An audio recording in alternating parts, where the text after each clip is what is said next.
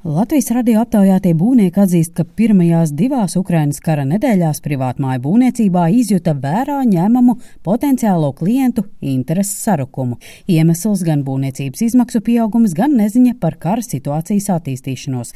Stāsta būvniecības uzņēmuma Bilt Best pārstāvis Igors Ostapčuks. Pirmās divas nedēļas bija tāds, jā, ka cilvēki uzreiz jau jā, nu, tā kā, ā, nu jā, tagad es padomāšu, padomāšu, nu to pirkt, to nepirkt, nu kaut ko meklē kaut kādas kā tādas, varbūt tās alternatīvas par citiem materiāliem. Arī tās pašas sankcijas ietekmēja. Cilvēki baidās ieguldīties tieši tajā.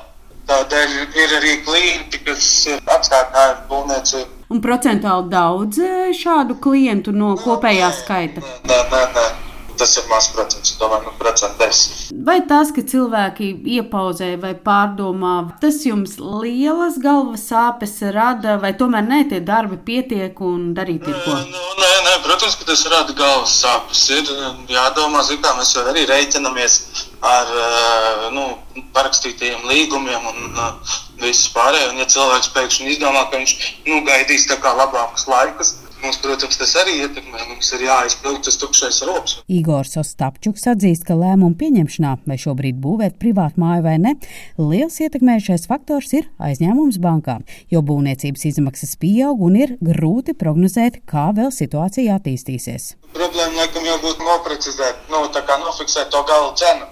Ne, jo nav jau saprotams, kas notiks uz priekšu. Nu, aizdoms varbūt tur viena summa, bet uh, faktiskā izaugt nu, uz pusi pat. Uz pusi pat tik daudz? Nu, es domāju, ka jā. Es domāju, ka jā.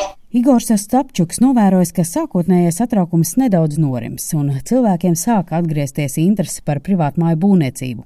Arī Līvas grupas valdes loceklis Agris Smelteris apliecina, ka pirmajās divās nedēļās izjuta, ka interese no jaunajiem klientiem pieklusa, bet lielākoties tās mājas, kas bija jau būvniecības procesā, klienti turpināja būvēt. Ar tām mājām nav tik vienkārši, ja tur ir tas ilgtermiņa pasākums, un tur, kur ir saslēgta līguma Līgumu slēdzam gandrīz nu, pēc pusotra gada. Viņi tās mājas tikai dabūna, ja, tāpēc tur tas uz mūsu kompāniju tas tā maz attiecās. Līdz šim man liekas, ka viens cilvēks īsti mums ir izskaidrs ārā, kam reāli bija biznesa Krievija, un tāpēc pilnīgi skaidrs, ka šis māja nevarēs Agris Smelteris atzīst, ka būvniecības izmaksu pieaugums apmēram 15 līdz 20% apmērā ir jau kopš pandēmijas, un karš pavisam noteikti cenu kāpumu tikai sekmēs. Tas rada sarežģījumus tiem, kuri privātmāju būvniecībai ņem kredītu bankā. Nu, vienmēr jau tas rada sarežģījumus, ka tu nezini, pat cik ko tu pēc. Tā situācija vienkārši ļoti dīvaina, tāda nav bijusi. Tagad bija tādi. To, kas tā kā ietekmē, to mēs, es domāju, jutīsim pēc.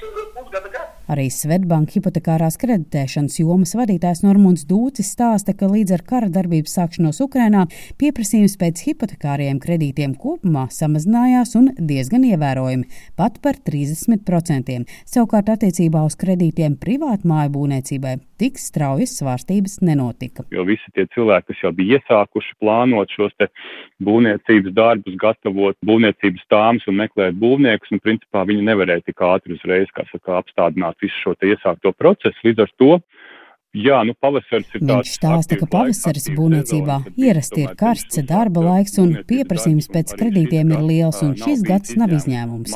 Tiesa klienti kļuvuši piesardzīgāki un taujā, kāds ir bankas ekspertu viedoklis par iespējamo izmaksu kāpumu nākotnē, lai saprastu, vai šobrīd ir īstais brīdis sākt mājas celtniecību vai ne. Papildus tām izmaksām, kas šobrīd jau ir iekļautas tāmē, noteikti vajag paredzēt arī šo izmaksu buferi, tas ir tie neparedzētie izdevumi, iekļaut nu, vismaz 10 10-15% potenciāli šos neparedzētos izdevumus, lai nesanāk tā, ka pēc pusgada vai gada, kad tā būvniecība ir pilnā sparā, ir skaidrs, ka tās iepriekš plānotās izmaksas jau ir saka, novecojušas, un tajās vairs iekļauties nevar. Normons Dūcis uzsver, ka šī gada pirmajā ceturksnī būvniecības izmaksas ir pakāpušās par aptuveni 3%.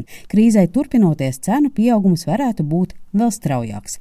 Linda Zalāne, Latvijas radio.